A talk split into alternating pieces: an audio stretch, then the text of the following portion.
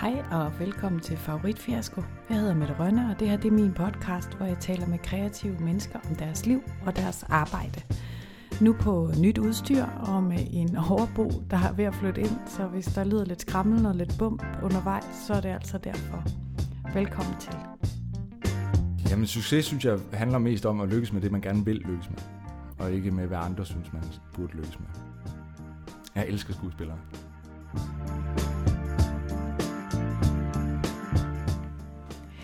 I dag der taler jeg med Morten Hede. Han er kulturjournalist og anmelder. Og du kan finde hans anmeldelser på Teateravisen, Aarhus Update og på mortenhede.dk, hvor du også kan dykke ned i et hav af artikler, podcast, episoder og selvfølgelig anmeldelser. Velkommen til. Tusind tak. Morten. Jeg har glædet mig. Jeg har også glædet mig til at tale med dig, fordi jeg er nemlig ret nysgerrig på, hvordan det er at være anmelder.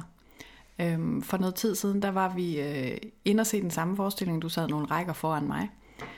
Og der sad jeg og tænkte, hold kæft, jeg er glad for, at det ikke er mig, der skulle anmelde den her øh, forestilling. Så jeg havde sådan lidt ondt af dig. Det viser sig, at du faktisk godt kunne lide den. så det havde jeg ikke behøvet. Øhm, men kan du også nogle gange have det sådan, at du ville ønske, at du faktisk ikke behøvede at, at have en meget, meget offentlig mening om, om det, du lige har set? Altså jeg kan nogle gange synes, at det er, er svært at komme i gang med at skrive en anmeldelse. Mm-hmm. Og det er faktisk ikke øh, nødvendigvis, fordi den er, øh, at forestillingen er dårlig. Øh, men det... Altså nogle gange så har, har jeg lyst til at, til, at, til at droppe og skrive en anmeldelse, fordi jeg kan have svært ved at finde den der vinkel på det, der gør, at hvorfor er det... Altså hvad mener jeg egentlig om det her? Jeg kan altid tror jeg, altid øh, vurdere en anmeldelse sådan helt, øh, eller vurdere en forestilling, mm.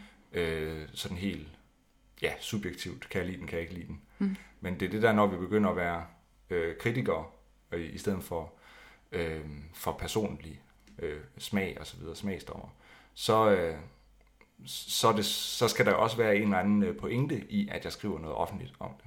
Det skal have, jeg, jeg går meget op i, at, at mine anmeldelser i et eller andet form skal have offentlighedens interesse. Og det er det, der kan være svært nogle gange, lige at finde. Især hvis forestillingen er dårlig, så, så, så bliver det lidt sværere, fordi... Nej, det gør det faktisk ikke. Nu, det, det, nej, det er faktisk lige så svært nogle gange med de gode, fordi det er... Øh, det kan også være i offentlighedens interesse, at der var en forestilling, der havde en god idé eller et godt koncept, eller der gerne ville belyse et eller andet problem i samfundet, og det lykkedes så ikke. Altså, mm. så er det egentlig også, så skriver anmeldelsen næsten sig selv. Mm. Men jo, jeg kunne godt tænke mig nogle gange at bare kunne se teater, og når jeg no- nogle gange også kommer i teateret uden at skal anmelde noget, øh, så holder jeg jo også fri på en eller anden måde. Øh, Men kan du godt det? Altså kan du godt bare se? Både ja og nej. Øh, altså der er, jeg sidder selvfølgelig og, og analyserer hele tiden. Det, det kan mm. jeg ikke lade være med. Mm. Øh, men der er alligevel en frihed over det. Jeg er en gang for lang tid siden øh, gået i en pause, øh, fordi jeg netop ikke skulle anmelde mm. og, øh, mm. og tænkte, jamen hvis jeg, hvis jeg har friheden til at gå i pausen, fordi jeg synes, det er dårligt, så skal jeg også benytte mig af det den her gang. Mm. Ellers så er man jo som anmelder, mener jeg, tvunget til at blive til, til slutningen, mm. øh, for at se. Det kan være, der er noget, der, der vender i anden akt eller et eller andet. Ja, det kender jeg godt, de der forestillinger. du, du begyndte jo at, at anmelde ved, at du øh, simpelthen øh, ringede til Aarhus Teater og ja. sagde, må jeg komme og skrive om min forestilling? Ja. Og så udviklede det sig simpelthen derfra. Og sådan som jeg husker det, så er du en af de første online øh, anmeldere. Er det ikke korrekt? Jo, i hvert fald i, i Aarhus. Øh, okay. Øh, altså man kan sige, øh, set i en, i en professionel sammenhæng, der, øh, der uden helt at være fuldstændig skarp på, hvem startede hvornår og sådan noget, mm. så tror jeg, jeg er den første der i Danmark, der sådan skriver i eget navn online og aldrig har gjort andet. Altså, mm. øh, jeg er medlem af det, der hedder Foreningen af Danske Teaterjournalister, som er en forholdsvis lille gruppe af professionelle teaterkritikere i Danmark. Øh, det er os, der hvert år uddeler teaterpokalen og øh, instruktørprisen Teaterkatten og initiativprisen. Og, øh, og der er jeg den første siden foreningen startede i 1800-tallet, der ligesom er online typen. okay. Men der har selvfølgelig været nogen, altså Gregor Stikking Holmfeldt, som øh, mm. har været anmelder i mange, mange år. Og i de seneste mange år også har øh, primært skrevet på sin egen hjemmeside, mm. gregersdh.dk. Øh, han er selvfølgelig også i dag online, men han startede også på det trygte. Så i den, mm. i den sammenhæng kan man sige, at jeg er den eneste, der kun har beskæftiget mig med online. Mm. og det er egentlig ikke en holdning om, at jeg ikke vil udkomme på tryk, men, øh, men jeg har et par gange fået muligheden, øh, og, øh, og, eller ikke fået muligheden, men man kan sige, øh, stået i en situation, hvor jeg skulle tage stilling til, om det var noget, jeg havde lyst til. Mm. Øh, og, øh, og jeg er splittet omkring det, fordi jeg kan rigtig godt lide, at, øh, at man ikke skal passe ind i en spalte, og man har så og så mange tegn øh, og går godt med. Øh, og at jeg i et eller andet omfang, også når jeg skriver på Teateravisen og på Aarhus Update, selv er herre over, hvad jeg, hvad jeg skriver. Både mm. hvor langt og hvad, hvordan. Altså, der kommer meget redaktion ind over det, når det er på tryk. Mm.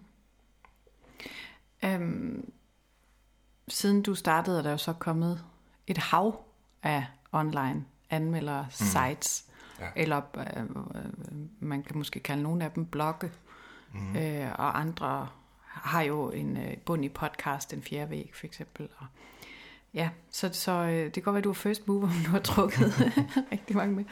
Men kan du huske, hvad, hvad var den første forestilling, du anmeldte på Aarhus Teater? Jeg kan faktisk ikke helt huske det. Øhm, noget siger mig, at det var øh, en Ibsen-forestilling. Mm. Kan du huske, hvordan det var? Det. Altså, da du skulle sætte dig ned, sætte dig ned og skrive den der første anmeldelse? Øh, nej, fordi altså på en eller anden måde var det egentlig heller ikke den første anmeldelse som sådan. Det var bare den første anmeldelse på Morten Hededk. Mm. Øh, der er noget, der hedder Kulturkongen. Jeg går ud fra, at det stadigvæk eksisterer. Som, Gør det. Ja. Øh, som er sådan brugeranmeldelser eller anbefalinger, kalder de det.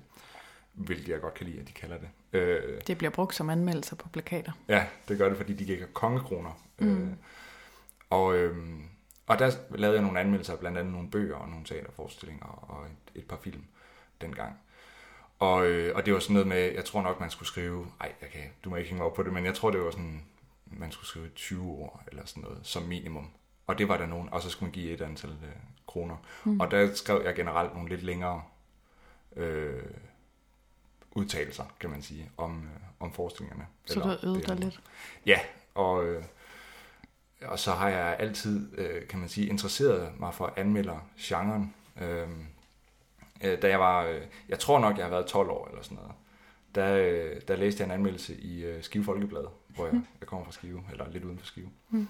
øh, og gik rigtig meget op i stand-up øh, allerede dengang. Og, øh, og så læste jeg en anmeldelse af Anders Madsen, øh, som havde optrådt i Skive Teater. Øh, og øh, den her anmelder øh, skrev, at øh, gav tre stjerner og, vel, og jeg så ikke selv showet, så det kan godt være, at de tre stjerner, de er øh, gode nok. Men indledt for øh, anmeldelsen med at skrive, normalt kan jeg ikke lide stand-up, og jeg er i øvrigt kommet på et afbud. øh, og, øh, og, og det blev jeg sådan rigtig rasende over. Så rasende, at jeg skrev et læserbrev. Og den, det læserbrev blev også øh, katalyseret, kan man sige, af, det ved jeg ikke, om man kan sige, men det siger jeg, mm. af, at øh, hvis man bladrede om på næste side, så havde samme anmelder i en dobbeltopslag, altså det vil sige på to hele sider, øhm, øh, skrevet en anmeldelse af en koncert med Bjørn Tidemand. Mm. Seks stjerner. Mm. Og det kan også godt være, det er berettiget. Mm. Men, men det var i hvert fald en helt subjektiv god oplevelse for den her anmelder. Mm. Og, det, øh, og det skrev jeg så et læserbrev om og, til, til Skiboldbladet. Det, jeg synes, det er fedt, når man er på barrikaderne som unge. og ja. som ældre. Men... Ja. Er der, er der noget, som du kan mærke, at du er blevet bedre til inden for det sidste år? Ja. Jeg er, jeg er blevet bedre til at skrive. Altså, øh, øh, fordi jeg, jeg er blevet bedre til at, at lege med, med sproget i det. Øh, jeg har altid interesseret mig meget for at skrive, ikke kun anmeldelser. Øh, og formen i anmeldelserne har jeg arbejdet meget med at, at lære, kan man sige, øh, i mine anmeldelser. Men her de seneste år er, kan jeg godt mærke, at der er kommet mere frihed i, hvad jeg sådan øh, tænker over omkring formen, for, og, og det giver mig så mulighed for at lege lidt mere med sproget. Så noget af det er nok kun mig selv, der opfanger, men mm. sådan nogle små øh, jokes i, hvilke ordvalg jeg bruger og sådan noget. Det, øh, og, og der, ja, som sagt, så tror jeg i høj grad, det er for min egen fornøjelses skyld, men jeg tror også, det gør, at anmeldelserne bliver mere levende at læse. Øh. Er det, når du vælger ord, er det så, afspejler det forestillingens tone? Eller? Ja, ja mm. netop. Eller, eller man kan sige, øh, jeg ville ønske, at jeg lige kunne komme med et eksempel. men, men, men man kan sige, hvis jeg har, øh, hvis jeg har en sætning, hvor jeg kunne vælge øh, to forskellige øh, ting, så kunne det være, at det, det ene ord, det, det, det havde en dobbelthed øh, mm. i et eller andet, mm. øh, som, som kunne sige noget om samfundet, kunne sige noget om den statsminister, vi har, eller mm. et eller andet, men kun hvis man læser ordet på den måde. Mm. Og hvis man mm. ikke læser ordet på den måde, så er det bare en, en holdning til en forestilling. Mm. Altså, mm. Så, så det er jeg begyndt at, at lege lidt mere med, jeg synes, at, at jeg er blevet bedre til det, og, og tror også på, at, at mine læsere kan mærke, at det måske er lidt mere levende. Men er du politisk, når du anmelder? Det er et godt spørgsmål. Jeg har faktisk lige i en, øh, i en samtale nede på scenekunstskolen øh, øh, sagt, at jeg holder mig fra politik. Øh, og det kommer jeg så til at tænke på over bagefter, men det gør jeg egentlig ikke. Mm. Øh, men jeg, øh, jeg håber på, at jeg holder mig fra det partipolitiske. Mm. Øh, men, men alt er jo i virkeligheden politik. Og jeg kommenterer jo på, øh, i, i samme øh, samtale på scenekunstskolen, der, der sagde jeg også, at jeg, jeg kommenterede på øh, Aarhus Teaters valg af husdramatur, eller dramatiker, og øh, øh, det kongelige teaters øh, opsætning af Ride øh, mm. som teaterforestilling, altså tv-serien. Og det er jo politisk, altså i hvert fald øh, det med Ride, det er jo også en kulturpolitisk øh, kommentar. Mm. Så jeg holder mig ikke for politik, men, øh, men jeg kan egentlig godt lide, at man ikke kan læse mine anmeldelser og så sige, at han er socialistisk eller mm. øh, liberal, eller hvad, mm. hvad man nu tror. Findes det? Findes det, men... Altså teateranmelder sådan helt ude på højrefløjen? Øh, ja, det tror jeg, det gør. Tror du det? Ja, det tror jeg, det gør. Øh, altså, der findes der i hvert fald medier. I. Der er ah, helt ude på højrefløjen, det er også langt ude, ikke? jo, jo. Men, øh, men i den liberale ende, der findes der i hvert fald medier, der, der også er, altså øh, dagbladet, øh, som jo ikke ligger skjult på, de er i den liberale ende. Øh. Mm. Og, øh, og anmelder, anmelderne, der arbejder på de blade, øh, kunne jeg forestille mig, også øh, høre lidt til det. Mm. Men, men det er også der, hvor jeg siger, at, at der kommer meget redaktion ind over, når man er på et mm. dagblad. Fordi en ting er, hvad anmelderen mener, men noget andet er også, hvad en redaktion vælger, der skal anmeldes. Altså, igen, jeg, jeg anmelder, hvad, hvad der passer mig. Mm. Øh, en ting er, at jeg skriver, hvad der passer mig, men jeg udvælger også de forskninger, jeg gerne vil se selv. Hvor øh, hvis man har en redaktion, så er, man, så er der jo nogen, der skal, skal sige, at den forskning vil vi gerne anmelde, den vil vi ikke anmelde. Og det er jo også et, ofte et politisk valg. Mm. Eller ikke ofte, nogle gange kan det være et politisk valg. Fordi øh, den her forskning, den handler om øh, øh, asylpolitik. Og hvis avisen har en holdning om at gå i dybden med asylpolitikken, eller måske ignorere asyl øh, øh, historier, kan man sige, så vil man til eller fravælge den, ud fra en politisk, politisk agenda, mm. mener jeg. Mm. Ja. Hvis vi nu prøver at gå tilbage til sådan det sidste år, hvor du siger, du, du, du oplever selv, at du er blevet bedre til at, at skrive simpelthen. Mm. Øhm, jeg har talt med din kollega, Trine. jeg ved simpelthen ikke, hvordan man siger hendes efternavn. Jeg er Trine Vøldike. Jeg har selv Vølke. sagt øh, Vøldike, ja. men jeg tænker bare få den hurtige overstået og sige Vølke. og så skal Trine, jeg spørge hende i det næste ja, podcast, jeg laver med hende. Trine Vølke som du laver Teaterkartellet sammen med, mm. øh, sammen med Lise Majgaard Mortensen. Mm. Øh, og den kan man finde inde på mortenhede.dk. Yes. Øh, jeg har nemlig spurgt hende, om der, om der var et, nogle kendetegn ved, ved den måde, du arbejder på, eller, eller ved dig. Øh, og noget af det, hun siger, som øh, Lise Majgaard Mortensen faktisk også siger, mm. at det virker som om, at du kender alle. Og det kan være lidt svært at komme til at snakke med dig efter en forestilling, fordi der er du holder hof. Nej, det siger de ikke. Det er min udlægning. okay, godt.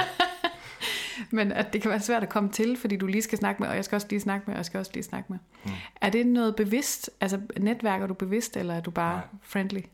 Øh, nej, men det er faktisk noget, der netop er sket i løbet af det seneste års tid, og, og pudsigt nok har det gået meget ud over dem de seneste par gange, fordi vi har stået sådan og snakket, og så er der lige kommet en, der skulle, der skulle vende noget med mig. Nu eksempelvis den her talk ned på, øh, på scenekunstskolen, det var efter en premiere, hvor vi står i forjen, og egentlig står og snakker sammen, så er der en, der lige tager fat i mig og siger, ja, du skal lige møde en, og så, øh, og så vedkommende spørger, om jeg vil være med i den her talk og sådan noget. Så bliver det lige arrangeret efterfølgende, og, og Trine og Lise stod og ventede på mig, for de ville bare lige gerne sige farvel. Øh, mm. og, og, sådan, og, og for nylig var jeg også til en anden teaterforestilling, hvor, hvor jeg lige skulle have arrangeret en podcast med øh, nogle andre øh, efterfølgende.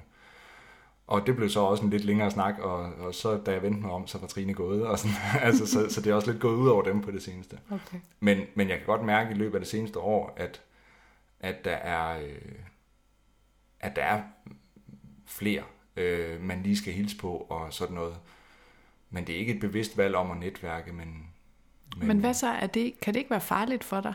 Og, og, og ligesom øh, om, ikke at være om en tæt med folk, men, mm. men på men på venskabelige, øh, hvad hedder det Ja. ja, hvad hedder det? Terms. ja. jeg, kan, jeg kan ikke tale dansk. øhm, fordi øh, jeg kan for eksempel huske, da du skulle anmelde min øh, forestilling, der mm. talte vi jo faktisk ikke sammen i et halvt år. Mm. Fordi du sagde, jeg vil ikke snakke med dig, jeg vil ikke vide, hvad der foregår. Nej. Nej. øh, og, det, og det synes jeg viser en, en, en grad af sådan integritet øh, fra din side. Øh, men som, det kan da være, er det ikke svært at opretholde, når du så står og jo. får en øl, eller hvad I nu gør? Jo, det er det. Altså, normalt vil jeg jo også stikke af efter en forestilling, mm. og det gør jeg egentlig også stadigvæk. Øh, dem jeg mest taler med efter forestillinger, det er kritikere og kollegaer, øh, som Trine og Lise for eksempel. Øh, men, og ja, og så stikker jeg normalt af sådan, så hurtigt som muligt. Det tror jeg også, de andre anmeldere gør. Øh, de fleste af dem i hvert fald. Netop for, at man ikke øh, skal komme til at stå og møde de medvirkende, og øh, i virkeligheden er det også for at undgå spørgsmålet om, hvad synes du så? Fordi ja. det er sådan noget, det, det kan vi altså ikke lige kapere at svare på lige derefter, fordi mm. når, når vi, nu taler jeg på alle sammen, i hvert fald når jeg, men jeg tror de andre anmeldere er, er enige, øh, er der som anmelder, så uanset om det er bare en, der kommer hen og spørger sådan helt venskabeligt, hvad jeg synes, mm. så vil det alligevel blive betragtet som anmelderen Morten Hede, mm. der, der sagde efter forskning, at han kedede sig lidt. Mm. Eller sådan noget. Mm. Og uanset om vedkommende siger det videre eller ej til nogen, så, så vil det stadigvæk være kritikeren Morten, der synes, det var kedeligt. Det kan sagtens være, at jeg går hjem og skriver en god anmeldelse af det alligevel. Øhm, og øh, ja, så der, derfor, øh, derfor forsvinder vi som regel. Mm. Øhm, mm. Hele den der med, undskyld. Nej. Hele den der med at være, være venner øh, med, med kunstnere, øh, det er også, har jeg også haft mine kvaler med. Øh, og kan man være det? Øh, kan jeg se dig i et halvt år, inden du, øh, mm. du laver en forskning eller ej? Og der, jeg har været meget i tvivl selv, og skiftet også lidt imellem det. Men jeg begynder at nå frem til, at vi kan altså ikke gå rundt i den her branche. Øh, og jeg bliver ved med at betragte mig selv som del af teaterbranchen, selvom mm. jeg jo er i mediebranchen i forhold til at være anmelder. øh, men vi kan altså ikke gå rundt i den her øh, lille branche i Danmark og ikke møde hinanden. Altså, og jeg tror heller ikke, det er sundt ikke at møde hinanden. Øh, jeg synes, da jeg stod nede på, øh, jeg var nede på scenekunstskolen, som sagt til den der talk, og det var sådan en festival, der foregik over en hel weekend. Og der var jeg med øh, en stor del af festivalen, og også øh, drak et par øl med nogle af eleverne dernede og sådan noget. Øh, og det gav jo nogle helt vildt fantastiske samtaler om teater, øh, og om øh, teaterkritik, og det, der er vigtigt for mig, det er, at jeg kan være objektiv. Og der kommer vi måske også ind i den der snak om redaktion igen, men, men det vigtige for mig er, at jeg selv er sikker i, at jeg er, øh, at jeg ikke lader min, min, min, min følelser for vedkommende, øh, venskabelige følelser, øh, stå i vejen for det, jeg rent faktisk mener. Mm. Og jeg føler selv, at jeg kan mærke det, når der er nogen, der er så tætte på mig, at, øh, at jeg ikke kan være ærlig. Ikke mm. fordi jeg ikke vil, men fordi jeg kan, kan lide personen for meget til at, at se det dårlige. Øh, jeg er rigtig, rigtig gode venner med, med en, øh, en øh, skuespiller. Øh, en af mine nærmeste venner. Og, øh, og der var jeg til en premiere på en forestilling, han, øh, han spillede for nyligt. Øh, og efter forestillingen, der vil han jo spørge mig, jeg kan ikke engang huske, om han gjorde det, men han vil spørge mig, hvad synes du så? Og der skal jeg som hans ven mm. sige, kæft hvor var du god. Altså, det er min opgave ven. som ven. Ja. Så kan det godt være, at han bagefter siger, hvad siger kritikeren så, eller et eller andet. Ikke? Så, kan, så kan jeg sige noget andet. Men, men jeg er der som ven, og det, og det er det. Det er den skilling der, jeg, jeg skal kunne mærke allerede inden jeg siger ja til at anmelde en forestilling, om er der nogen her, som, som jeg er på vensk- for venskabelig plan til at kunne, kunne enten ødelægge det venskab ved ikke at, at sige, hold kæft, hvor var du god, uanset hvor dårlig vedkommende var. Mm. Han var i øvrigt god. Øh, og, øh, og på den anden side kan jeg rent faktisk se det dårlige, eller, eller kan jeg lide vedkommende mm. for meget. Men, men kan du mærke, er der, er der nogen, der så behandler dig anderledes? Øh, fordi de ved, at du et eller andet sted faktisk har du jo noget magt mm. øh, over dem og deres karriere. Øh, når jeg møder nogen øh, skuespillere eller instruktør eller et eller andet første gang, og, og sådan lige bliver præsenteret for dem, det er Morten Hede. Mm. Der er mange af dem, der ikke ved, hvordan jeg ser ud, men, øh, men, men som kender navnet. Så kan jeg godt nogle gange, slet ikke altid, men nogle gange mærke, at der, bliver sådan, der kommer sådan lidt en afstand, og sådan, hvad, hvad kan man så egentlig sige, og, mm. og sådan noget. Nu, det der, den der weekend øh, på scenekunstskolen, øh, er, øh, jeg bruger den som eksempel i mange tilfælde, fordi det er, det, jeg lærte meget på den weekend. Mm. Øh, der kommer jeg jo også rigtig tæt på nogle få af dem.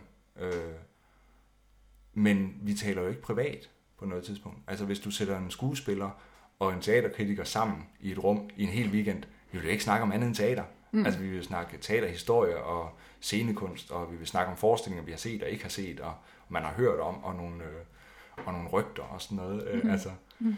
Så, så, så når folk de først lige har fundet ud af, at jeg er der ikke bare for, jeg er der ikke for at snage i, øh, i deres privatliv, men, men, men at vi bare kan have en snak om, om mm. teater og om alt muligt mærkeligt andet også jo. Øh. Men du, du er stadig i en position, hvor du kan en dag give dem øh, to stjerner og sige, ja. at de spiller dårligt. Ja. Altså, ja. Så, så du har jo en magt, eller I har jo en, en magt, som den er faktisk ret stor. Mm. Hvordan, hvordan tænker, tænker du nogle gange på det, eller, er det noget, du ligesom... Det kan man ikke arbejde, hvis man ja. tænker på, eller... Jo, det, kan man, det tænker jeg meget på, det synes jeg, man bør tænke på, netop fordi øh, jeg har faktisk forholdsvis tidligere, jeg vil helst ikke ind på, hvad det er for et, et eksempel, men forholdsvis tidligere haft øh, en, i min karriere, siger jeg i godsøjne, øh, med, øh, med en, øh, en, det var faktisk ikke en anmeldelse, men en, en kritik, øh, en, en artikel, øh, som, som var medvirkende til, at der var en, der, der mistede sit job. Og, øh, og, og jeg tænkte også grundigt over det dengang, men, men det gjorde mig bevidst om, hvor vigtigt det rent faktisk er, at vi tænker over det. Mm. Øh, også når det er nyuddannede øh, øh, folk, der har deres første forestilling, et eller andet. Når, når vi har den, øh, eller der, der kan være mulighed for, at vi, vi får den magt, eller får den øh, betydning for et menneskes liv, øh, så er vi edderbank nødt til at være sikre i det, vi siger. Altså virkelig. Og øh, altså, det handler jo kun om, om vi mener det. Altså mener vi det nok til at skrive det her. Øh, ja.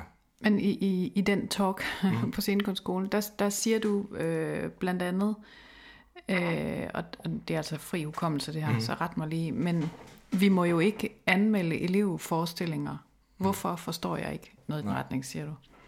Øhm, så, så mener du, at man skal øhm, anmelde elevforestillinger, lad os sige, det er afgangsforestillinger fra, fra scenekunstskolen? Altså, vi må godt, det jeg sagde, det er, at vi må ikke personanmelde elever.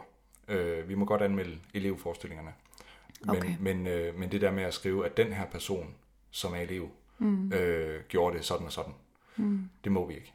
Øh, og det er sådan en, øh, hvad kan man sige, udskreven regel blandt kritikere.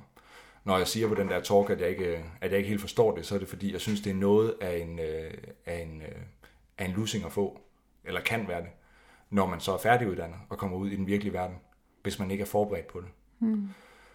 Øhm, men øh, pudsigt nok, så talte jeg faktisk, øh, det går jeg ud fra, at jeg godt må nævne, øh, med Julie Carlsen, der er rektor nede på, øh, på eller rektor, hun er uddannelsesleder på øh, skuespilleruddannelsen, øh, om øh, det her med at, at være øh, og, og anmelde person, personanmelde elever og hvorfor man ikke må det og sådan noget. Og, og hun siger, jamen de forbereder meget eleverne på at komme ud til det. Men det en personanmeldelse kan gøre for en elev, det er at, at forstyrre det der, den proces, de rent faktisk arbejder med med sig selv. Hvis de nu øh, nu tillader jeg mig at, øh, at referere lidt af samtalen fra Julie, jeg håber det er okay.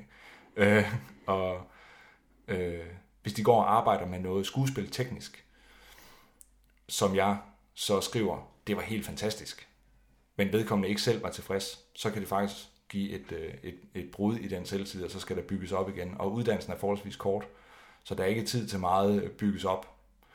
Øh, det samme selvfølgelig, hvis det er kritik af noget, de egentlig selv er stolt af, eller de er nået et godt stykke vej, så kan de få et setback øh, på grund af, at der er en kritiker, der mener noget om det. Men i det øjeblik, du vælger at vise noget frem for mm. offentligheden, Ja. Det er også min holdning. altså, så er det jo ikke en proces forhåbentlig. Nej. Altså, så viser du jo et produkt. Ja.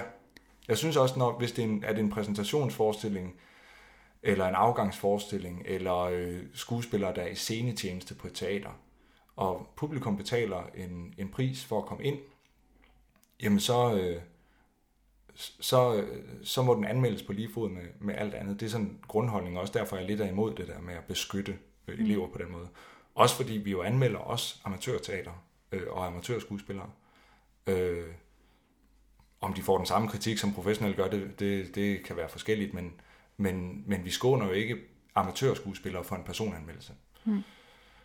Og jeg synes egentlig, at det er vigtigt, at de, øh, at de prøver at blive personanmeldt, og både kritiseret og rost, imens de er på skolen, fordi der er et helt hold af medstuderende og lærere, der, øh, der, der kan støtte dem i det.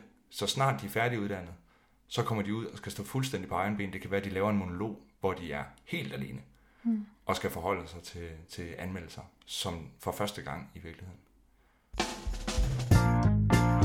Jeg afbryder lige kort øh, for at sige tusind, tusind tak til jer, som har øh, sendt mig en besked, hvor I øh, siger alt muligt sødt om øh, podcasten. Det er simpelthen så dejligt at vide, at der rent faktisk sidder nogen ude på den anden side og, øh, og hører det, øh, som jeg laver.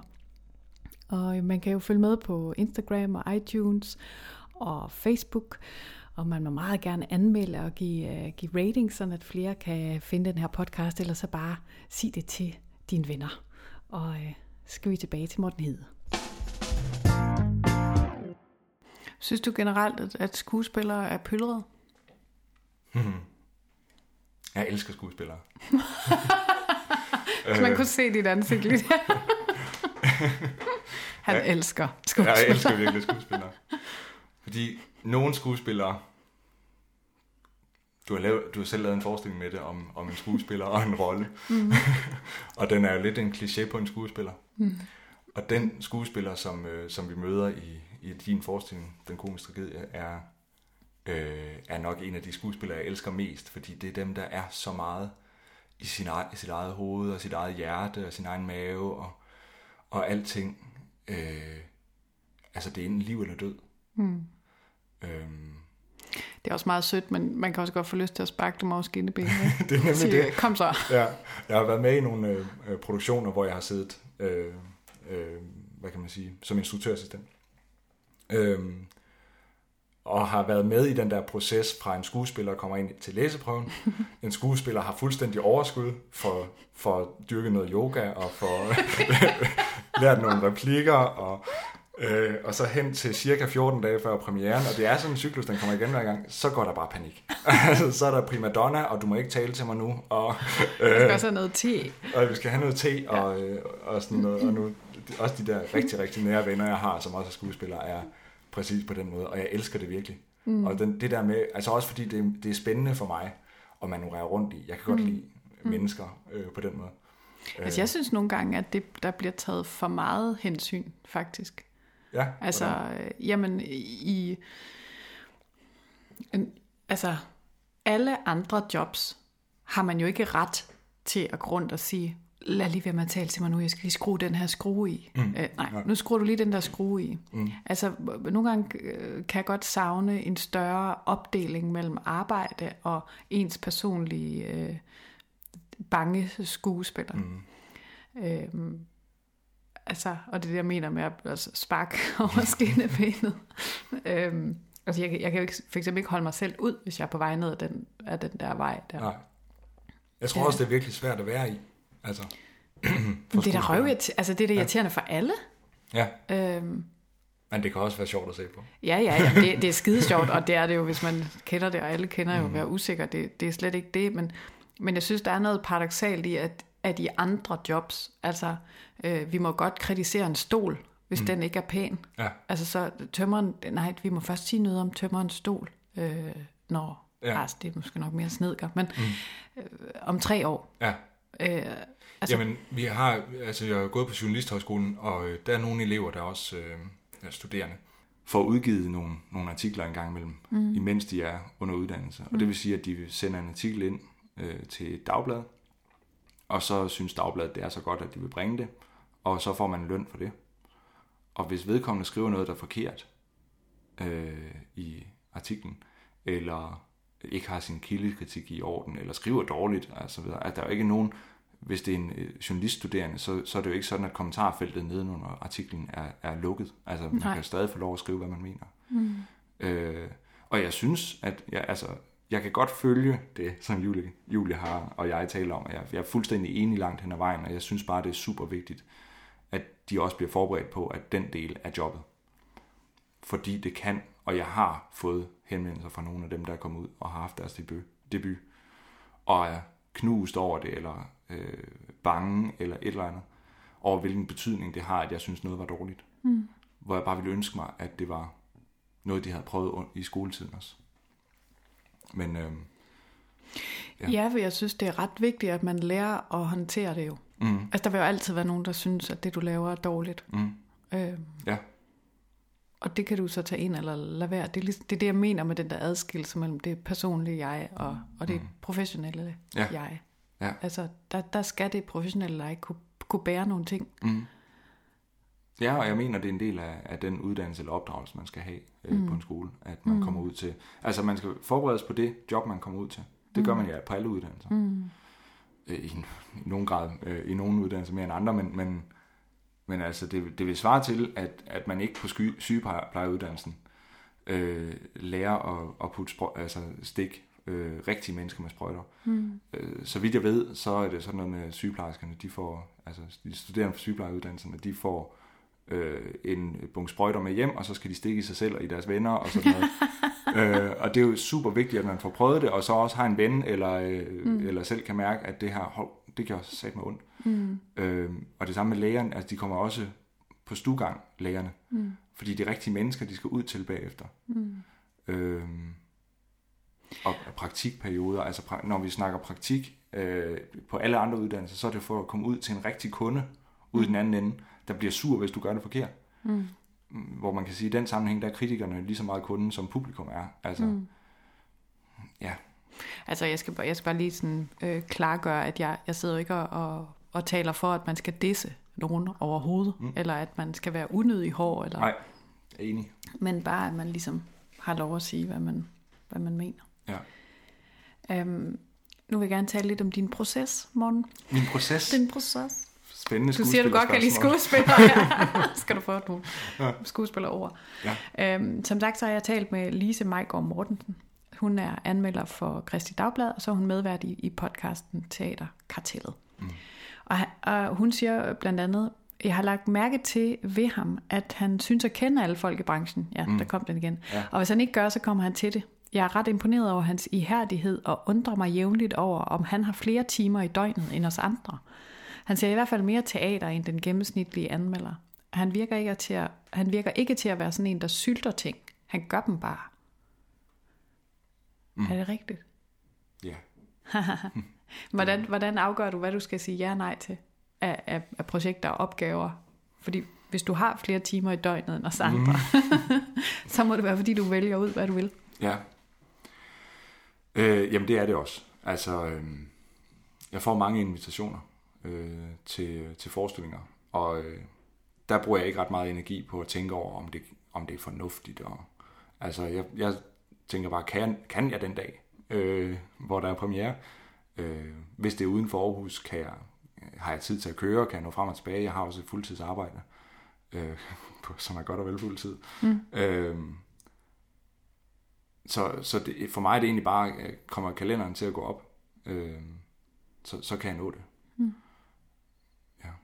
Altså jeg, jeg oplever jo som en af de aktører, som ikke har et kæmpestort teater i ryggen, at det er ret vigtigt, at sådan nogen som dig øh, kan, kan anmelde, fordi det er den eneste måde at blive anmeldt på. Mm. Både fordi anmeldelser er vigtige i forhold til salg, men faktisk også for at finde ud af, er jeg overhovedet på et spor, som mm. er interessant for andre. Ja. Fordi altså efter premieren, der er det jo bare, mm, du var meget god. Men det kan, altså, man kan jo ikke bruge det til noget, Nej. egentlig. Nej. Øhm, det, det springer ud af en, en diskussion, jeg har haft med nogle, nogle kolleger om, øh, om teaterkritikere, altså om, mm. hvad der er en rigtig teaterkritiker, hvad de skal, og la la la. Åh, det vil jeg gerne høre. Den tager vi lige bagefter. Okay. Øhm, ej, eller hvad? Står vi nu? Øh, nej, men det handler jo egentlig om det her med seriøsiteten i anmeldelserne. Skal, skal, øhm, skal kulturkongen, som du nævnte, skal mm. den have lige så meget berettigelse i en salgsstrategi, som politikens anmeldelse skal have, for eksempel. Det har de jo rigtig mange steder. Der bliver det jo faktisk ligestillet på plakater. Mm. Øh, og det, det var der nogen, som synes var forkert, fordi at der altså hvis man kun skal skrive 20 ord, så er der jo en, en niveauforskel i seriøsitet på en mm. eller anden måde. Hvor, hvor en af mine pointer er, ja, det, det er jeg sådan set enig med det der, men, men, men det betyder bare, at der er rigtig mange, som har en chance for at blive anmeldt nu, mm. øh, som ikke har haft det tidligere. Ja. Øh, hvis man ikke har en længere spilleperiode et sted, så er der mange, der ikke vil anmelde, og det forstår jeg bare super godt. Det er da træls at skrive om noget i avisen, som er slut. Mm. Øh, så hvis man er på turné for eksempel, kan det være rigtig svært at blive anmeldt. Ja. Og der er det jo dejligt øh, med de online øh, medier. Nu kan jeg ikke huske, hvor vi kom fra. Nej, det kan jeg ikke. Nå. Jeg synes, det var det, det er spændende. Jeg synes, det er i det hele taget er en enormt spændende diskussion, og, og hvis man følger min egen podcast, så kan man også se, at den måske har fyldt lidt ekstra på det seneste. Mm. Øh, den diskussion om, hvornår man er teaterkritiker, og hvornår man anmelder med det, og hvornår er man anbefaler, og hvornår man guide, og hvornår man øh, podcast, og hvornår man subjektiv, hvornår man Hvornår man blogger. hvornår man blogger. Mm-hmm. Øh, og, øh, og jeg har mange holdninger øh, til det, og det er også noget, der er rigtig meget diskussion om lige nu, øh, og der bliver forsket i det. Øhm, og jeg, jeg, jeg synes, det er vigtigt, at vi har de der diskussioner netop om, jamen, kan vi sidestille øh, den professionelle anmelder med den subjektive anmelder på plakater eksempelvis. Mm. Og, øh, hvad er vores opgave? Øh, skal vi anmelde noget, selvom for eksempel kun spiller en dag? Mm. Øh, hvad, hvad er vores opgave egentlig som anmelder? Mm. Fordi det, det opdager jeg faktisk, det er der ikke ret mange, der er klar over. Mm. Øh, og nu siger jeg det som om det, at jeg ved, øh, kender svaret, ikke? Men, men, men, øh, men, men der er mange perspektiver på, hvem er det egentlig, anmelderen skriver til. Mm. Hvad skriver det- du for publikum? Skal du guide dem? Ja, er det læserne, er det ja. publikum, er det scenekunstnerne, er det, hvad, hvem er det egentlig, man skriver til? Mm. Og for? Altså. Og det, det er vi ikke enige om. Slet, slet ikke. Mm. Og det tænker det kunne egentlig være meget fint, hvis vi nåede dertil, hvor vi rent faktisk blev enige om, jamen, hvad, hvad er anmelderens opgave egentlig? Hvis man er mere interesseret i, interesseret i det emne, så kan man jo høre den podcast, som faktisk er fra den talk. Ja, Øh, den ligger også inde på mortenhede.dk. mm-hmm. Der kan man finde alt, Morten. Man kan finde alt. Man kan Ja. også få kaffe. ja. Hvis vi nu går tilbage til det her med at skrive en anmeldelse. Hvordan foregår det? Rent lavpraktisk. Du har været i teatret. Du har formodentlig haft en blog med. det var processen. Det var proces, vi kommer tilbage til nemlig. Ja. Øhm, du går hjem. Mm. Du sætter dig. Sætter du dig med det samme, for eksempel, og skriver, eller Det er du summer, eller? Det er, det er meget forskelligt. Det kommer også an på, hvor træt jeg er. Øh, øh, og hvornår forskningen er. Øh, hvis, jeg har, øh, hvis jeg har overskud til det, så sætter jeg mig med det samme. Øh, på det seneste har jeg lagt mærke til, at jeg er begyndt at, at skrive en del af anmeldelsen med det samme. Og så sover jeg på den. Og så øh, skriver jeg resten, eller skriver den om, eller et eller andet efterfølgende. Og øh, det er både godt og skidt, har jeg tænkt over. Øh, fordi det er, når jeg sover på den og skriver den om og sådan noget, så bliver det sprogligt en bedre anmeldelse. Men, og også, altså refleksionerne, tror jeg egentlig også er bedre. Men til gengæld så taber man den der umiddelbare begejstring eller øh, skuffelse, som også nogle gange giver en vildt god energi til, øh, til anmeldelsen. At, øh, at man kan mærke, at han er, han er sur. Altså man kan virkelig mærke min øh, aggressivitet igennem anmeldelsen, eller mm. min, min begejstring for, hvor, hvor godt det her var. Mm. Og, og det er fordi, jeg bruger halvdelen af en, af en anmeldelse på at, at måske øh, fabulere over en eller anden lille bitte ting inde i forestillingen. Hvor jeg, hvis jeg så sover på den og ser på det bagefter, så tænker jeg, ah, det er okay, den skal vi skære lidt i. langt. Også, og, sådan, øh, og, og, så skriver vi lige noget andet om, om forestillingen også, fordi jeg giver den seks stjerner umiddelbart på baggrund af en scene, ikke? og det, det er jo heller ikke fair. Øhm, øh, som, altså, det vil ikke se fair ud i hvert fald. Mm. Øhm, så, så der går også noget tabt ved det, men, men ja. så det er også lidt det der igen med, med kalenderen. Altså det, det er nødt til at lige være, når, når der er tid til det. Men du snakkede tidligere om den her med, med rammen i anmeldelsen. Mm. Nogle anmeldere har jo nærmest en overskrift, der hedder scenografi, mm. øh, lysdesign, øh, ja. design. Det, det bruger du jo ikke på, på den måde. Mm. Men har du sådan en, en indre regel om, at du skal, du skal over de her ting? Nej, ikke, ikke noget, jeg har tænkt over. Jeg, jeg tager fat i, i det, der er bemærkelsesværdigt i forestillingen. Øhm, eller ved konceptet, altså ideen. Mm. Men ellers, og så, så tror jeg, det ender med sådan at have en eller anden struktur, som er sådan tilbagevendende. Øh, der var en på et tidspunkt for lang tid siden, der sagde, ja, du starter jo altid lige med et resume. Nå, gør det. men øh, men ja, det, det, det, var, det er egentlig ikke bevidst, men, men man skal selvfølgelig også skrive læseren ind i, hvad det er, vi er, vi er mm. inde og opleve lige nu. Men, øh, men nej, det er ikke noget, jeg sådan øh, tænker, jeg skal komme omkring. Har du nogensinde skrevet en anmeldelse, som du har fortrudt? Nej. Der har Nej. jo været en lille smule, øh, en lille smule storm mm. om en, en anmeldelse, du har skrevet. Ja, en lille, en lille storm. Ja. Du skrev en anmeldelse for at tage... Skal vi snakke om... Skal vi ja. skrive... Okay. Ja. Øhm, der har jo været en, en lille smule sådan stormvær om en, en anmeldelse, du skrev øh, om en forestilling, der hedder Hvis det var her, som øh, udkom på Teateravisen, øh, hvor du var ikke glad for forestillingen. Mm. Og øh, efterfølgende er der en del, der har skrevet til Teateravisen og fået øh, trygt eller offentliggjort deres øh, reaktion på den her anmeldelse. Mm. De var alle sammen øh, meget glade for dem for forestillingen, og havde i hvert fald haft en meget anderledes oplevelse end dig. Øhm, er, er det, hvordan påvirker det dig? Øhm, det er lidt blandet. Øhm, nu var det ret kort tid efter den anmeldelse, at der var aprilfestival ude på, øh, på øh, Sydjurs. Hvor, som er den her teaterfestival med, en, øh, med børneteater og ungdomsteater fra hele landet. Øh, også lidt fra udlandet. Og der vidste jeg, at jeg kom til at møde nogle af dem. Eller forventede jeg at komme til at møde nogle af dem. Og, der, og det var jeg lidt spændt på, hvordan, hvordan bliver reaktionen, altså nogle af de medvirkende. Ikke? Mm. Hvordan ville reaktionen nu være? For jeg, jeg vidste, at der var... Altså en ting er de offentlige, øh, offentlige kommentarer, men der, jeg, jeg ved, der var rigtig, rigtig meget øh, øh diskussion bag, øh, bag facaden også. Øhm,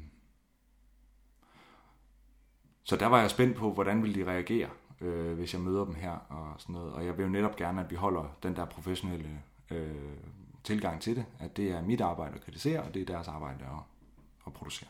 Mm. Øhm, så den del af det er, er sådan en spænding på en, kan man sige, lidt negativ måde. Altså det, det er selvfølgelig ikke rart.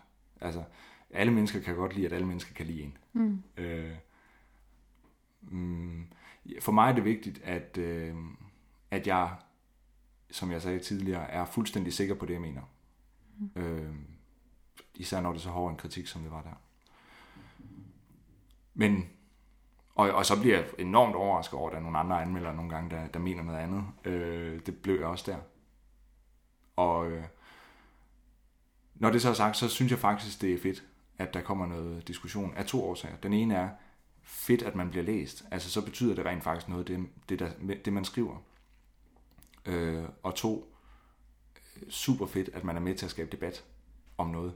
Altså, mm. fordi det giver jo netop nogle debat, offentlige debatindlæg inde på Teatervisen omkring, altså, som i hvert fald stiller spørgsmålstegn ved, hvad er, hvad er anmelderens rolle, hvad det vi snakker om lige før. Øh, hvor meget skal jeg have lov at mene, bare fordi jeg hedder Morten Hede? Mm. Øh, hvad, hvad, hvor, hvorfor er min mening vigtigere end nu kunne jeg godt nævne nogle af dem, der står derinde, men... Det er fuldt offentligt, det, er det der er derinde. Fuldt, jamen, ja. altså, Paul Krabs var jo den første, der skrev en, øh, en, en offentlig debat øh, mm. øh, til den, og, øh, og er Paul Krabs' holdning til teaterforestillingen mere værd end min? Øh, altså, jeg prøver på at holde mig væk fra at være subjektiv. Øh, jeg har også før brugt det eksempel at sige, at, at min, det, jeg kan godt give seks stjerner til en forskning, jeg egentlig ikke har lyst til at se en gang til. Og jeg kan også godt give tre stjerner til en forskning, jeg godt kunne se igen, og vil anbefale mine venner at se. Jeg er der ikke som person, altså som, som sådan. Mm. Man kan, ikke, man kan ikke være 100% objektiv. Men, men min opgave er at være mindst muligt objektiv.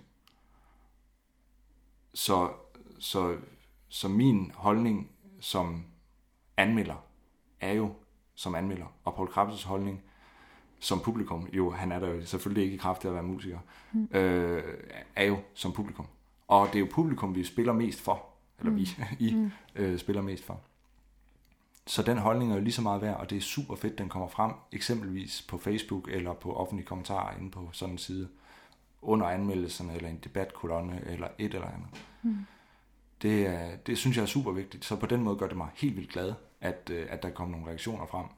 Det går selvfølgelig ikke, at jeg begynder at skrive provokerende, som sådan helt Thomas Treve for bare at få noget omtale og noget diskussion i gang. Mm.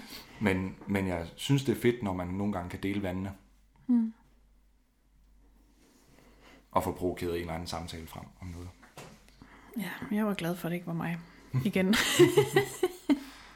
altså, ikke at det ikke var mig, der anmeldte, men at det ikke var mig, der skulle lave ja, øh, en anmeldelse. provokerende anmeldelse. Ja. Ikke lige af den forestilling, men af ja. en hvilken som helst. Ja. Øhm, men jeg vil sige, i forhold til, forhold til det, så er der også nogle gange, hvor jeg har jo som regel en ledsager med i teateret, og øh, vi bliver som regel inviteret to personer Altså mm. med en med mig og så en ledsager. Mm. Alle anmelder. Øh, og jeg bruger som regel den der ledsagerbillet til at tage en eller anden med, der ved noget ekstra om, om, om det, jeg skal se. Altså, en, jeg tager en musiker med, hvis det er en musikforestilling, eller, eller en dramatur med, hvis det er skuespil, altså traditionelle skuespil og sådan. Øh, og især når jeg kommer ud fra en forestilling og tænker, nej, nej, nej, der er et eller andet her, der er helt galt, eller eller sådan noget, så, så gør jeg faktisk lidt ekstra ud af at spørge min ledsager også, hvis jeg kender nogle andre publikum, lige uh, få en fornemmelse af, ikke spørge, hvad synes du, men, men få en fornemmelse af, hvad, hvor er det her henne, eller oplevede du det også sådan. Og, mm. og, og det gjorde jeg selvfølgelig ekstra meget ved den her, øh, ved den her forestilling. Mm. Og også ved, ved andre, hvor jeg, hvor jeg ved, at den her kommer jeg til at gå hjem og skrive noget rigtig hårdt om. Altså. Mm. Mm. Men nu til noget mere mundret. Mm. Din favoritfiasko, ja. som jeg håber er munter. og med favoritfiasko, der mener jeg jo en, en hændelse eller en oplevelse, som du først øh, følte eller antog som en fiasko, men, men sidenhen har vist sig at indeholde øh, andet end, end bidre tårer. Ja. Og jeg synes, den har været svær mm. at, at, at, at finde på. Eller ikke finde på. men, jeg har altid interesseret mig for at skrive. Nej, nej, nej. jeg, har, jeg, har, jeg har digtet en fiasko. ja. Nej, øh, jeg har jo... Øh, hvis det sådan er som, som teaterkritiker, så lyder det helt vildt arrogant, men jeg har, der er ikke noget, jeg sådan hvor der har været et, et væsentligt fejltrin eller noget øh, for mig selv at se, og heller ikke hvad jeg sådan har, har hørt omkring, øh, rundt omkring. men men sådan øh, tidligt i mit liv har jeg, eller hele mit liv har jeg altid prøvet nye ting af. Øh, startet virksomhed som 18-årig. Øh, Nej, med hvad? Ja, det var sådan noget, det er egentlig der, min fiasko den kom. Ja, okay, okay. Øh, det var som, øh, som sælger af sådan noget Herbalife, øh, ja, reklame. Øh, forretningen er lukket, så... Øh, men... Øh, øh, som er sådan noget proteinpulver, og som er det primære produkt, og så en hel masse mærkelige ting. Øh, tabletter, øh, kosttilskud, øh, parfumer, cremer. Og, øh, og det er sådan noget multilevel marketing, som øh, unge tunger, onde tunger vil kalde, øh, vil kalde pyramidespil. Det er det altså ikke. Men, men, øh, men sådan noget, hvor man ligesom skal, skal sælge noget, så får man en, en anden del af det. Øh, og der var jeg 18 år, boede på, gik på gymnasiet, boede på kollegie, og købt for 50.000 kroner hjem i, uh, i proteinpulver, og havde det stående i fire, fire, fem, nej det kan ikke gøre det, otte, otte store papkasser, flyttekassestørrelse, agtige ting, og fyldt en fjerdedel af mit på værelse. På et kollegieværelse, ja. ja. Og så skulle man jo til at i gang med at sælge det her. Grunden til, at jeg ligesom købte så meget, det var, at så kunne man, hvis man havde det her varelager, så kunne man komme op og få en, øh, en, øh, en større andel af salget. Altså der, man, man tjener ligesom en, en, en procentdel af avancen, og der, der kunne jeg så komme op og få en væsentlig højere procentdel af, af, af salget. Øh, og det var egentlig også meget øh, overskueligt, øh, hvis man altså gjorde det benarbejde i det, som, øh, som det krævede. Og det var jo netop at gå ud og øh, lave nogle flyers, gå ud og putte dem i postkasser og begynde at, og, øh, at få nogle kunder, der, ville, øh, der rent faktisk ville, øh, ville købe det her. Og det der med at, at gå ud med flyers, det tror jeg, jeg fik gjort tre aftener. og, så, øh, og så gad jeg egentlig ikke rigtig det mere. Altså, jeg synes, det var enormt spændende, men, men, øh, men, men det der med flyers, jeg vil gerne derhen, hvor det sådan ligesom bare var en forretning, der kørte, og du ved, sådan, øh, bestillingerne, de kom bare øh, flyvende ind. Øh, mm. Magisk. helt magisk. Øh, fordi øh, det der produkt, jeg havde, det sælger jo nærmest sig selv. Ikke? Mm. Og det gør det altså på alle mulige måder, så øh, jeg, jeg, jeg, jeg kan kun, altså jeg har ikke fortrudt øh, det at være sælger der. Jeg har fortrudt, at jeg ikke, øh, nej, jeg har heller ikke fortrudt det. Men det gik op for mig, det er egentlig det, der, der er historien, det er, at, at det gik op for mig, hvor meget jeg springer ud i ting, uden overhovedet at have tænkt igennem, hvad det her har af konsekvenser. Øh, hvad det kan have af konsekvenser. At jeg kan have en, øh, en øh, som 18-årig på et kollega, have en, en gæld, altså en kassekredit på, på 50.000, og det blev jo også på, til lidt mere. Øh, øh, som, øh, som jeg jo skulle prøve at betale af på en, på en SU. Mm. øh, og øh, og at, at det også kræver noget benarbejde, rent faktisk, at, øh, at lykkes med noget. Det lærte jeg meget af den der. Øh, da jeg sådan ligesom havde indset, at nu, nu var, øh, nu var Herbalife øh, eventyret slut for mit vedkommende. Proteinpulver, det havde overskrevet sidste salgsdato, så det skulle smides ud. det var meget pulver, der blev smidt ud. Øhm, og, og jeg ligesom havde den der kaske, de der kigge på, øh, og tænkte, den her går mange år før, øh, før den er afbetalt. Den er faktisk nu her, 10 år senere, stadigvæk ikke afbetalt, men det, der er selvfølgelig kommet noget andet på, men, men, men på grund af det har jeg ikke været gældfri i, min, i mit voksenliv øh, endnu. Mm. Ikke? Øhm, da jeg ligesom troede, at hele det der kapitel det var overstået, så kom der så en regning på 20.000 fra moms, fordi jeg, havde, jeg fattede jo ikke noget med, med regnskab og sådan noget. Nej, ej, hvor tavligt. Så, det er tavligt. Så, øh, så det, og det var den der, det der opkald fra, øh, eller ikke opkald, det der brev fra, fra skattevæsenet, den, den knækkede sgu. Ja, øh, den, den lille unge dreng der. Mm. Øh, men jeg har altid været sådan en, der er sprunget ud i tingene. Øh, og jeg tror faktisk, at grunden til, at det lykkes, i hvert fald forløbet er lykkes med, med, med at være anmelder på Morten Hedegaard, det er, fordi jeg har taget de der, vel efterhånden 500-600 forestillinger, mm. 500-600 aftener i teater, mm. og gået hjem og brugt 500-600 gange 3-5 timer på mm. at skrive en anmeldelse bagefter. Mm. Øh, uden at få løn for det i lang tid. Mm. Øh, og sige, at det er et benarbejde, man er nødt til, og jeg ved, at det, jeg, det, jeg får ud af det, det er, at det er sjovt, og det er fedt, og, og det vil jeg gerne, og jeg synes også, det er vigtigt, det jeg gør. Det gør en forskel, det jeg gør, det jeg arbejder med, mm. for nogen, øh, eller for noget. Og det lærte jeg dengang. At, at, øh, og, jeg, og det vil ikke sige, at jeg var fejlfri siden da. Altså, jeg skulle lære sådan noget mange gange, men den der, det var den første gang, jeg sådan rigtig knækkede øh, på det. Øh. Tænk, har det med sådan at gå i cirkler og komme tilbage til en, ja. og lige sådan, åh, den ordentlige lussing. eller sådan, ja, lige præcis. Sådan, nå ja, det var det, det var. Ja, det var det, jeg skulle lære. Nå ja. men det betyder netop, at jeg har, har, øh, har, har også noget, fordi det er nogle gange, så er det ikke sjovt at skulle i teater om aftenen. Mm. Som sagde, så har jeg et fuldtidsjob ved siden af. Og det er som leder, hvilket betyder, jeg ved, at der er mange jobs, der også er, er meget øh, tidskrævende, men, men som leder betyder det også nogle gange, at jeg skal øh, bruge lidt ekstra tid øh, på nogle lidt skæve tidspunkter. Og, øh, og være til rådighed på en eller anden måde hele døgnet. Mm. Og når man har været rigtig, rigtig meget til rådighed for sine medarbejdere øh, en, en hel dag, og ovenkøbe en lang dag, så kan man godt føle, at det er lidt trættende at skulle, øh, skulle i teater. Mm. Øh, især fordi jeg jo også er inde og se forestillinger, som jeg ikke i forvejen glæder mig til. Altså det er jo ikke fordi, jeg har købt en billet til et eller andet, jeg gerne vil se, og så har glædet mig et halvt år, som de fleste publikummer jo har den oplevelse. Mm. Og har, den hæng, har billetten hængende på køleskabet, og sådan ligesom ser frem til, at måske en dag har bestilt bord et sted, og, og også en overnatning, hvis de skal rejse lidt. Og sådan. Øhm, sådan har jeg det jo ikke. For mig er det virkelig et job, og i langt de fleste tilfælde er det også hårdt arbejde. Øhm, ja. Og, og, det, og det er det, hvor jeg siger, den der fiasko der, som jeg, mm. jeg havde med, med det lille eventyr, det, det, det gør, at jeg nogle gange tænker, at nå ja, men det gør stadig en forskel, det jeg gør, og, og der skal også noget benarbejde til. Mm. En god lektie. Ja. Dyr. Lidt dyr. Lidt lektie. dyr lektie. ja. Nu er, vi, øh, nu er vi nået til sådan de sidste sådan rapid fire mm.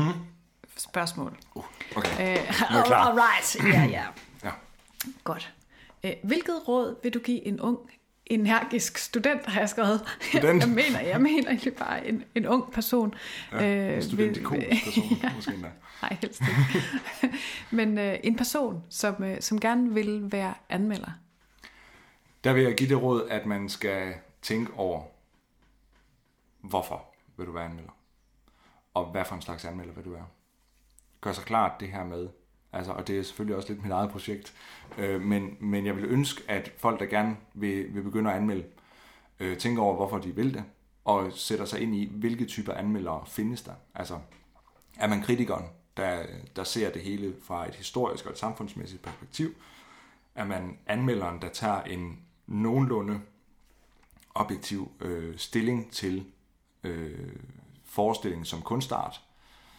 Øh, er man anbefaleren eller teaterguiden, som, som har set en forestilling og bare lige vil gerne vil sige til sine venner, og venner det i godsøjne, så det vil sige til alle på Instagram og alle på Facebook, at den her forestilling kunne jeg godt lide, eller den her forestilling kunne jeg ikke lide.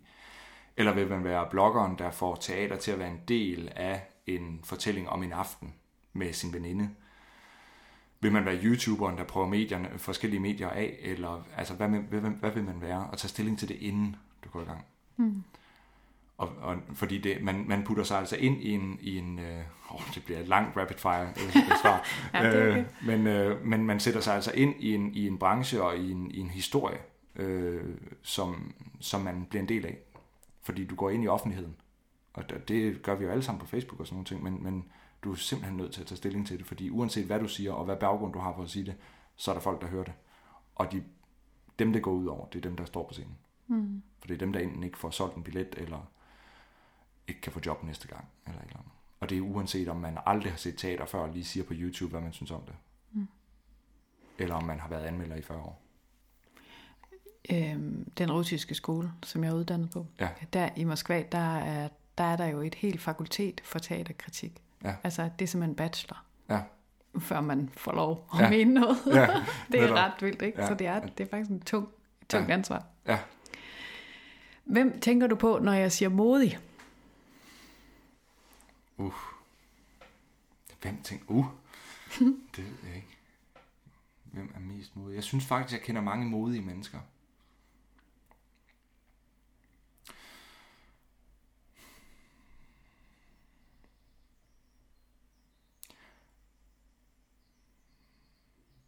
Jeg synes, jeg synes Tur Lindhardt, som, øh, som, jeg, øh, som er den ven, jeg har talt om et par gange nu, øh, er en enormt modig skuespiller. Øh, Hvordan kommer det til udtryk? jeg lavede en forestilling sammen med ham på Betty Nansen Teater for en del år siden, øh, hvor, hvor jeg så ham gå ind i det her arbejde. Jeg kendte ham i forvejen, øh, men kendte nok mere, den, der havde vi ikke kendt hinanden ret længe, og kendte måske stadigvæk lidt mest den øh, professionelle side af ham, sådan udadtil, altså det offentlige, den offentlige side af ham. Øh, men at se ham gå ind i et prøveforløb, øh, jeg har aldrig set så stor en ja-hat, altså på nogen. Det er helt vildt, og jeg har virkelig taget det til mig øh, fra den dag, der var læseprøve på Vester Hansen Teater, har jeg virkelig tænkt over at være ja-hat mm. i, øh, i, øh, i de flest mulige sammenhænge. Fordi det er helt vildt, hvad det gør til en proces, øh, både i teatersammenhæng, men også til, i andre sammenhænge. Øh, og set fra sidelinjen, som jeg jo kunne som instruktørassistent, så blev han også udsat, udsat for noget, man ikke kan byde mennesker. Det tror jeg, der er mange skuespillere, der, der gør øh, i deres job. Øh, det var en forestilling om, om, noget, øh, om en, øh, en billedkunstner, og på et tidspunkt så bliver der kastet med øh, stålmalerspanden igennem rummet. Og det vil sige, at de bliver kastet efter ham. Mm. Og under prøverne er der til et tidspunkt, hvor han får sådan en malerspand i hovedet. Au. Ja. Og det gør æderbank med nas. Mm. Selvfølgelig reagerede han på det. Men, men det at vide, at det her, det kan altså ske hver aften. Altså, mm. fordi man har, man har ikke styr på, hvor sådan en malerspand den ryger hen. Og der bliver fyret direkte efter ham. og det er ikke plastik eller et eller andet, for at det, eller skumgummi, for at det, for at det ikke skal gå ondt. Altså, det kan godt være, at skuespillerforbundet kommer, kommer efter mig. men, men, men øh, det, det er egentlig bare, min, min pointe er bare, at, at det mod, han viste der, og har vist siden, i forhold til at kaste sig ud i det ene projekt efter det andet, og også til at sige nej til projekter, der ikke føles rigtige. Øh, hvilket jeg jo øh, kan se, fordi jeg, øh, ser ham på den private side også. Det er, det er virkelig modigt. Meget, altså jeg har stor respekt for ham. Mm. Mm. Og ham anmelder jeg selvfølgelig ikke. Kun bagefter. Ja. Ja. Øh, ude i garderoben. Men hvem tænker du så på, når jeg siger succesfuld, hvis du nu ikke må sige den samme? ja, hvis jeg ikke må sige den samme. Det var også det her med, hvordan man øh, definerer succes. Mm. Ja. Øh, jamen, succes synes jeg handler mest om at lykkes med det, man gerne vil lykkes med. Og ikke med, hvad andre synes, man burde lykkes med. Øh, hvem er succesfuld? Jeg har nogle gode venner, øh, som, øh, som er lykkes med at få nogle gode uddannelser. Øh, de har fået en, en dejlig dreng. Øh, de har lige købt et hus. Og øh, selvom det er nogle... Vi nogle gange øh, snakker om de der drømme, og hvor, hvor vil jeg selv ende henne, og, og hvad, hvad er mine egne tanker om det og sådan noget. Øh, og jeg nogle gange også griner lidt af, hvad det, hvad det er, de er endt i. Øh, hvor de, jeg tror egentlig, at de synes, det er lidt provokerende, at jeg griner af det, fordi de er jo endt i det, de gerne vil. Mm. Eller endt i. De er der, hvor de gerne vil være, tror jeg. Og blevet gift og alt muligt. Øh, det er enormt succesfuldt. Er det, er det succesfuldt, fordi at det ligner noget af det, som du gerne selv vil, eller fordi at de har de har valgt at gøre det, de, de gerne vil? De har valgt, og, altså de har, de har opnået øh, det, de gerne vil. Så kan det godt være, at deres drømme har ændret sig undervejs, men, men de er der, hvor de gerne vil være, både karrieremæssigt og privat. Og, øh, ja, de, de, de opnår det, de drømmer om, mm. er, mit, er mit indtryk. Mm. Og det synes jeg er helt vildt. Altså, det er succes for mig. Mm. Og det er, også, altså, det er også det, jeg måler min egen succes på, det er, opnår jeg rent faktisk det, jeg, det, jeg drømmer om. Altså, det var en kæmpe succes for mig, da jeg blev øh, medlem af, af Foreningen af Danske Teaterjournalister, fordi der fik jeg i hvert fald helt privat mm. et stempel, øh, der sagde, jamen, ikke fordi, men der, der er nogle lidt sådan halvobjektive kriterier på, øh, på at blive medlem. Øhm, og, og der kom jeg ligesom i et selskab af nogle af dem, jeg øh, i et eller andet omfang så op til, jeg i hvert fald gerne ville kunne betragte som kollegaer. Mm. Og det var et mål for mig, og da jeg ligesom nåede dertil, så, så var det også en succes. Mm. Ja. Hvad, er det, hvad er det bedste råd, du har modtaget i dit øh, professionelle liv? Jamen, det bedste råd øh, var egentlig et råd, som blev givet til mig og til nogle andre teateranmeldere i, øh, i foreningen.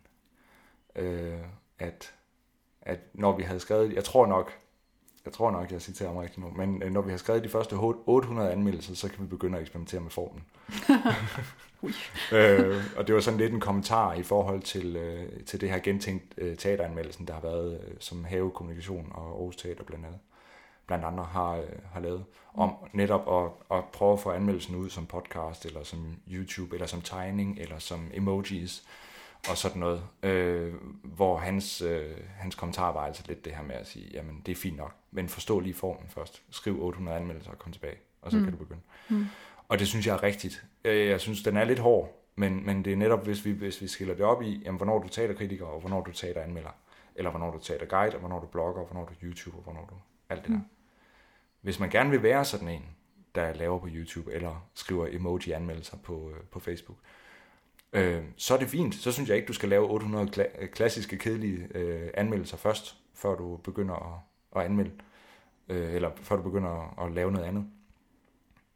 Men, men så skal man have taget, taget stilling til det. Men hvis du samtidig vil gå rundt og kalde dig teaterkritiker, mm. som jo er, altså er en journalistisk betegnelse, øh, og en journalistisk genre, så, øh, så er du nødt til, og der, der synes jeg rådet er godt, så er du nødt til at være fuldstændig sikker i, hvad det er, både for en branche, hvad det er for en øh, et job, du har, og hvad det er for en form, du skriver ind i. For det er en genre, det er ligesom at, at bede øh, øh, øh, at, at få en øh, digtsamling af en, fra en forfatter, så insisterer på, at det er en roman. Altså, mm. det, du er nødt til at kende den genre, du, øh, du skriver i. Mm. Hvad er det bedste råd, du har modtaget i dit personlige liv? bare være dig selv. og det er også et, det er faktisk, det er faktisk et rigtig godt råd, hvis man lige lader være med at tænke over det. Fordi, fordi selvfølgelig skal vi være os selv. Mm. Og vi skal i virkeligheden gøre det der, som jeg sagde i forhold til, til succes. Øh, måle vores egen succes på os selv. Øh, og ikke op imod andre. Men siden du har fået det råd, så må det betyde, at du har været i gang med at måle dig mod, mod andre. Mm. Ja, Og så er der og en, en god ven, der har sagt, bare være dig selv. Ja. ja, men det er også noget, vi går og siger til hinanden, inden vi skal til en jobsamtale, eller når vi skal på en date, og alt sådan noget. Og øh, som en, øh, en rigtig god ven også sagde, øh, så, øh, så det er også det værste råd, man kan få. Mm. Fordi jo, hvem mig selv? Altså, man er så meget, man er ikke bare sig selv. Man mm. er jo øh, tusind versioner af sig selv hele tiden. Mm. Jeg tror simpelthen ikke på, at der er nogen så Dalai Lama-agtige, der kan bare være sig selv hele tiden. Mm. Øh, og uden nogen former for, øh, altså, altså den, den ægt, den, den øh, hvad kan man sige, den kerne af sig selv, tror jeg slet ikke, man kan blot så meget. Den, der, der vil altid være en eller anden form for lag på, også når man er alene. Mm. Altså, det vil der være, mm. tror jeg. Så, så det er skødråd, men det er faktisk et, øh, men, men pointen er god. Ja. Pointen er virkelig god. Har, har du et, et motto, eller øh, et citat, eller et eller andet, som du sådan vender tilbage til i dit liv? Nej. Det ville jeg gerne have. Ja, altså, jeg har et yndlingscitat, men det er ikke noget, der sådan, jeg sådan bruger øh, mm. i mit liv. Men det er fra Hamlet, ja. og det er The Rest is Silence. Jeg synes, og det, det vil jeg bruge på, det vil jeg have på min gravsten, eller et eller andet. Oh. Altså, The Rest is Silence, det er simpelthen rent poetisk. Wow. Ja. Altså også den opbygning, der selvfølgelig er til den mm. slutreplik. Mm. And the rest is silence. Får helt chilled. Mm-hmm. Det gør man nemlig. Men det er også lidt uhyggeligt, hvis det står på en gravsten, synes jeg. Ja, præcis. Ja, alright. Mm. hvilke, hvilke ønsker har du til dit uh, fremtidige arbejde? Øhm, jamen, faktisk ret meget der, hvor jeg er nu. Altså, øh, det, det bliver ofte spurgt om, om jeg ikke... Øh, altså, jeg bliver selvfølgelig altid spurgt om, jeg kan leve af det. Mm. Og være anmelder. Mm. Og det kan jeg selvfølgelig ikke. Det er der ingen, der kan. Øhm, så, øh, så bliver jeg spurgt, om jeg kunne tænke mig, at jeg kunne leve af det. Altså lave det på fuld tid. Og det kunne jeg egentlig heller ikke. Øhm, fordi jeg synes, det er rart, at jeg har den frihed, jeg har nu øh, i det. Øh, med lidt hjælp fra de øh, medier, jeg skriver for, og fra et par, par stykker, der har valgt at donere et lille beløb til mig, øh, så kan jeg øh, gøre det nogenlunde omkostningsfrit efterhånden, øh, min, øh, mit job som teaterkritiker. Man tjener ikke noget på det øh, sådan når, når året er omme. Mm. Øhm, så det her med, at jeg har et, øh, et øh, godt job, et øh, job, der giver mig også en økonomisk frihed, øh, og som giver mig mulighed for, at jeg kan planlægge min egen tid i et eller andet omfang. Øh, du sidder for eksempel her i mit køkken en, øh, en, en morgen klokken øh, 9. Ja, og håber på, at mine medarbejdere de øh, klarer skærene, for min telefon er, er slukket. Ja. Øh, men, øh, Øh,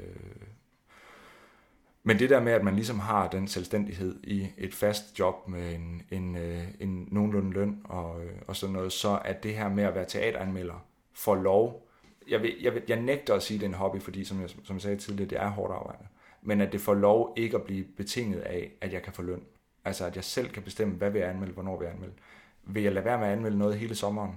Øh, eller altså nu her øh, efter jul, i, i år.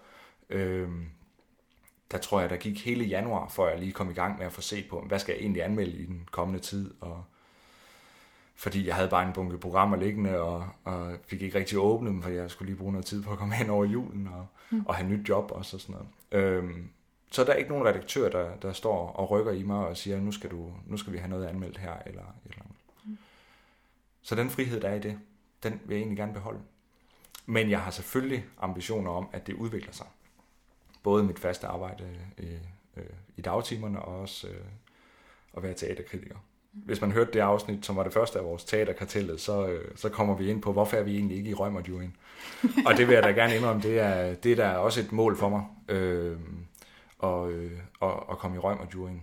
Øh, i et eller andet omfang. Og det er sådan noget, jeg på et tidspunkt, da jeg lige var startet, tænkte, når jeg bliver en 40-50 år, så skal jeg være i Rømmerjorden. Mm. Nu er jeg nok begyndt at blive en lille, lille smule mere utålmodig. Det, det, det må godt være, før jeg er 40 i hvert fald. Mm-hmm. Mm. Øh, også fordi jeg synes, jeg passer ind der efterhånden. Mm. Hvor gammel er du? 29. Okay. Det er lidt endnu. Ja, der er, der er noget tid at løbe på. Ja. Øhm, hvis nu folk gerne vil uh, læse det, du laver, så mm. har jeg jo nævnt, at mortenhede.dk er vejen frem. Øh, Teateravisen, Aarhus Update. Men altså Google er jo også altid rigtig, rigtig god. Mm. Morten Hede kultur, Morten Hede anmelder, hvad man nu googler. Ja, der kommer men, jeg højt op, har jeg lagt mærke til. Oh. Mm. Så man skal ikke lede længe. Nej, men hvis man nu øh, vil følge dig på Facebook eller Twitter, Twitter, Twitter. der kom den igen. Ja. Øh, hvor, hvor kan man så finde dig hen? Øhm, jamen, øh, Twitter øh, bruger jeg ikke rigtigt. Altså, hvis man er på Twitter og gerne vil have, så kommer der sådan automatisk øh, halløj ud, overskrift, når der er noget, øh, mm. øh, der bliver udgivet. Der, så jeg tror nok, mit brugernavn bare er Morten Hede, eller også er det Morten Hede.dk uden punktum. Øh, der. Nej, det er, jeg tror, det er bare Morten Hede i et ord. Øh, Facebook har jeg også en side, øh, som jeg håber folk de vil gå ind for. Det er nok der, jeg er mest aktiv og får rent faktisk øh, dele noget. Mm-hmm. Øh, og som også hedder bare Morten Hede, bindestreg Morten Hede.dk eller sådan noget, i den stil. Den hedder Morten Hede.dk på ja. Face. Ja. Øhm, Instagram? Instagram, også Morten Hede.dk. Det er meget smart. Ja, eller Morten Hede. Ja. ja. Jeg tror, ja. Google. Og ja, der er også links til det inde på, øh, på min hjemmeside. Ja. ja. Og så synes jeg, at man skal have lov at donere. Øh, jo, også et ja. lille øh, beløb. Og det er, jo, det er jo også lige så meget en holdning, fordi øh, det, dem, der donerer nu, de er meget taknemmelige for de donationer, jeg får. Men det er jo hverken noget, der betaler brødet eller hjemmesiden. Øh, så, så det er også lidt en holdning til, hvem er det, der skal betale for teaterkritik. Mm. Øh, jeg synes jo, det er læserne, men øh, læserne vil, hvis noget er gratis, så vil de helst have det gratis. Hvis jeg satte en betalingsvæg op på min hjemmeside, så når man skulle betale for at kunne læse noget som helst, så tror jeg, jeg mistede læsere og ikke fik flere penge. Mm. Så, øh, så det er egentlig bare lige en opfordring til, både over for mig, men også over for, for det, der hedder øh, frivillige donationer. Mm. Rigtig, rigtig mange podcasts og, og hjemmesider begynder at bruge det her med at, at vælge et valgfrit beløb som, øh, som donation, i stedet for at man skal købe et abonnement til en fast pris. Man kan højst sandsynligt finde de fleste af dem inde på tier.dk, altså ja. 10er.dk. Yes, præcis. Der er jo rigtig mange af de podcasts, jeg ved, vi begge to også hører, mm. som, øh, som øh, bruger det system der. Ja. Jeg prøver altid at lave, sætte live shows op med dem, mm. i stedet for at lave donationer. Ja. så får de en ordentlig chunk, og så kan man... Ja. ja. Det var det, mm. Morten. Det var tak fordi du ville komme og snakke. Ja, selv tak. Uh-huh. Det er jeg glad for. Hvis du har lyst til at, at høre mere øh, favoritfiasko, så kan du følge med ind på iTunes, hvor du kan abonnere på os. Du er også meget, meget velkommen til at skrive en anmeldelse og give en rating, fordi så er der nemlig flere, der kan finde den her podcast. Du kan også følge med ind på Facebook og på Instagram, hvor du kan se, hvem den næste gæst er, og øh, få lidt, lidt, lidt bonusinformation. Og indtil vi ses igen, så have det rigtig, rigtig dejligt. Hej!